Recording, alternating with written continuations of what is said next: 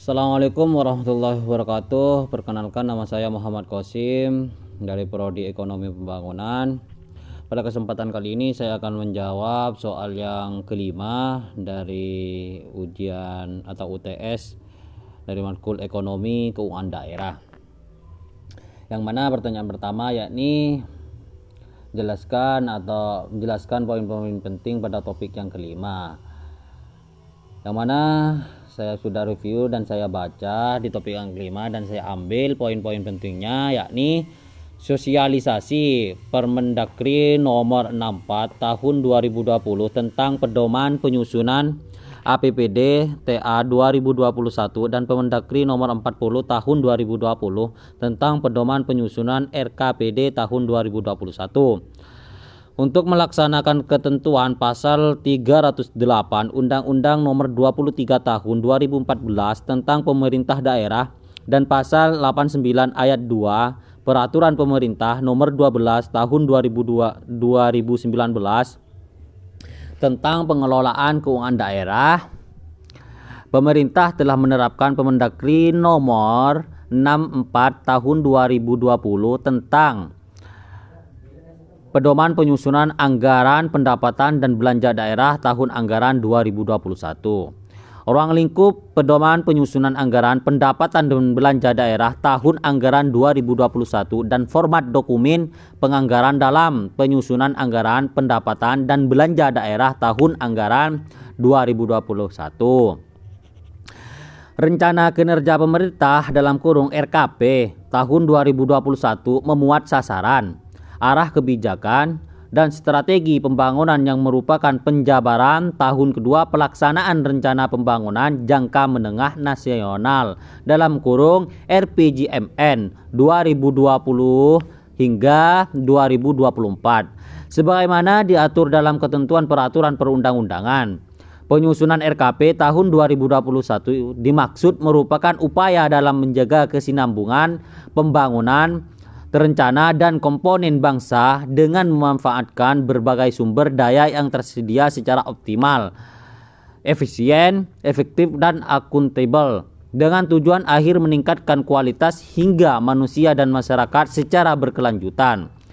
Penyusunan RKP tahun 2021 dilaksanakan dengan menggunakan pendekatan tematik, holistik, integratif, dan spesial spesial serta kebijakan anggaran belanja berdasarkan money follow program dengan cara memastikan memastikan program bermanfaat yang dialokasikan dan bukan hanya merupakan tugas fungsi kementerian garing lembaga yang bersangkutan. Berkaitan dengan itu, pencapaian prioritas pembangunan nasional memerlukan adanya koordinasi dari seluruh pemangku kepentingan melalui pengintegrasian prioritas nasional garing program prioritas garing kegiatan prioritas yang dilaksanakan dengan berbasis kewilayahan. RKP tahun 2021 dimaksud sebagai pedoman bagi kementerian, garing lembaga dan penyusunan rencana kinerja dalam kurung renja tahun 2021 dan menjadi pedoman bagi pemerintah daerah dalam menyusun rencana kerja pemerintah daerah dalam kurung RKPD tahun 2021. RKPD digunakan sebagai pedoman dalam proses penyusunan anggaran pendapatan belanja daerah APBD tahun anggaran 2021.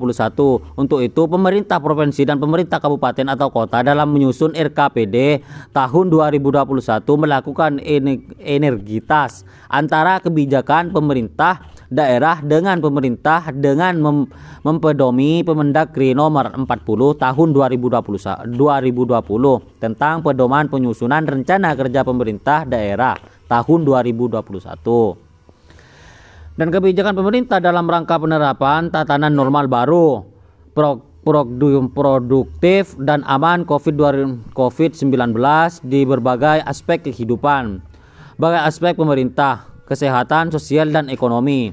Selanjutnya, energitas kebijakan pemerintah daerah dan pemerintah tersebut lebih lanjut dituangkan dalam rencana kebijakan umum APBD dalam kurung KUA dan rancangan prioritas dan plafon anggaran sementara dalam kurung PPAS yang disepakati pemerintah daerah bersama Dewan Perwakilan Rakyat Daerah tentang eh dalam kurung DPRD sebagai dasar dan penyusunan rencangan renca, rancangan peraturan daerah tentang APBD tahun anggaran 2021. BIMTEK pedoman penyusunan APBD tahun 2021 dan pedoman penyusunan RKPD 2021 KUA dan PPAS pemerintah provinsi tahun 2021 berpedoman pada RKPD tahun 2021 masing-masing provinsi yang telah disinergikan dengan RKP tahun 2021. Sedangkan KUA dan PPAS pemerintah kabupaten atau kota berpedoman pada RKPD tahun 2021 masing-masing kabupaten kota yang telah disinergikan dengan RKP tahun 2021 dan RKPD provinsi tahun 2021.